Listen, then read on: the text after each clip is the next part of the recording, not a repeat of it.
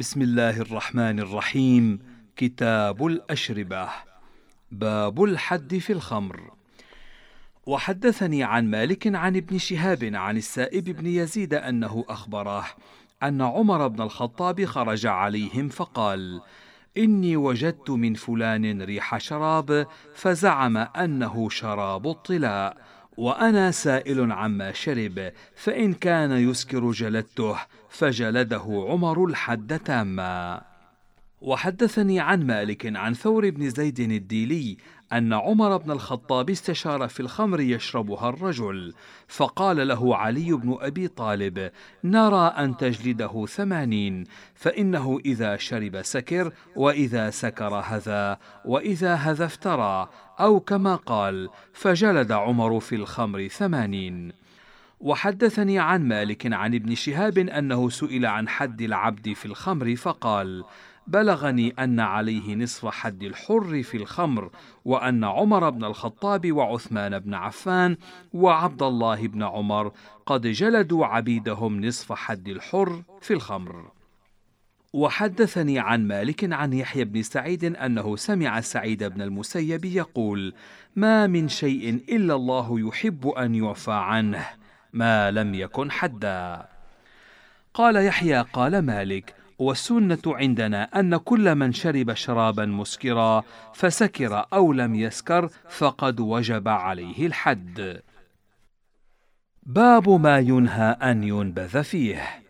حدثني يحيى عن مالك عن نافع عن عبد الله بن عمر أن رسول الله صلى الله عليه وسلم خطب الناس في بعض مغازيه قال عبد الله بن عمر فأقبلت نحوه فانصرف قبل أن ابلغاه فسألت ماذا قال؟ فقيل لي نهى أن ينبذ في الدباء والمزفت.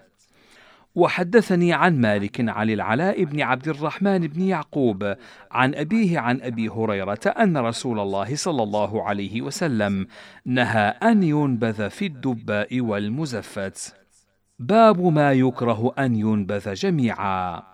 وحدثني يحيى عن مالك عن زيد بن أسلم عن عطاء بن يسار أن رسول الله صلى الله عليه وسلم نهى أن ينبذ البسر والرطب جميعا والتمر والزبيب جميعا. وحدثني عن مالك عن الثقة عنده عن بكير بن عبد الله بن الأشج عن عبد الرحمن بن الحباب الأنصاري عن أبي قتادة الأنصاري أن رسول الله صلى الله عليه وسلم نهى أن يشرب التمر والزبيب جميعا والزهو والرطب جميعا.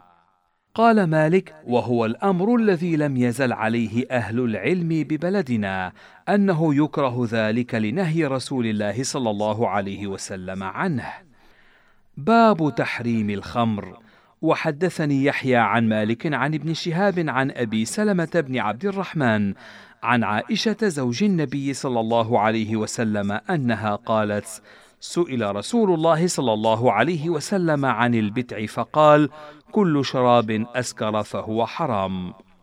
وحدثني عن مالك عن زيد بن أسلم عن عطاء بن يسار أن رسول الله صلى الله عليه وسلم سئل عن الغبيراء فقال لا خير فيها ونهى عنها.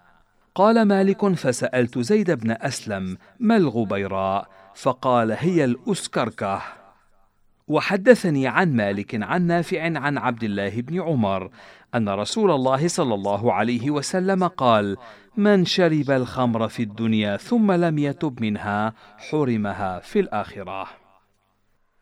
باب جامع تحريم الخمر.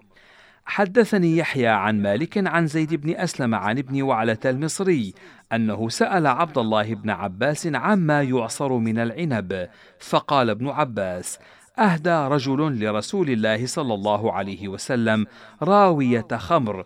فقال له رسول الله صلى الله عليه وسلم أما علمت أن الله حرمها؟ قال لا فساره رجل إلى جنبه فقال له صلى الله عليه وسلم بم ساررته؟ فقال أمرته أن يبيعها. فقال له رسول الله صلى الله عليه وسلم إن الذي حرم شربها حرم بيعها. ففتح الرجل المزادتين حتى ذهب ما فيهما. وحدثني عن مالك عن إسحاق بن عبد الله بن أبي طلحة عن أنس بن مالك أنه قال كنت أسقي أبا عبيدة بن الجراح وأبا طلحة الأنصاري وأبي بن كعب شرابا من فضيخ وتمر. قال فجاءهم آت فقال إن الخمر قد حرمت. فقال أبو طلحة يا أنس قم إلى هذه الجرار. فاكسرها. قال فقمت إلى مهراس لنا فضربتها بأسفله حتى تكسرت.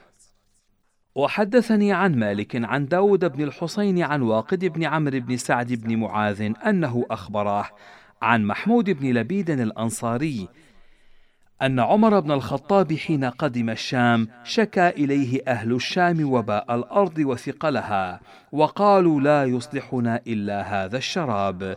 فقال عمر اشربوا هذا العسل قالوا لا يصلحون العسل فقال رجل من أهل الأرض هل لك أن نجعل لك من هذا الشراب شيئا لا يسكر؟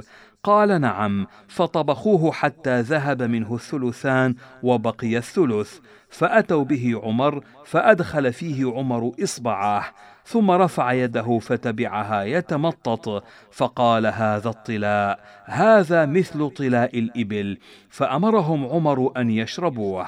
فقال له عبادة بن الصامت أحللتها والله.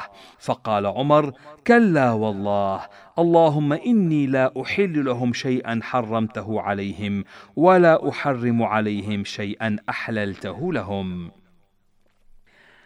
وحدثني عن مالك عن نافع عن عبد الله بن عمر أن رجالا من أهل العراق قالوا له يا أبا عبد الرحمن إنا نبتاع من ثمر النخل والعنب فنعصره خمرا فنبيعها.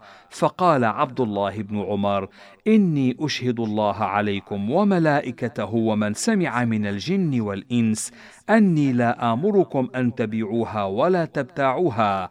ولا تعصروها ولا تشربوها ولا تسقوها فإنها رجس من عمل الشيطان.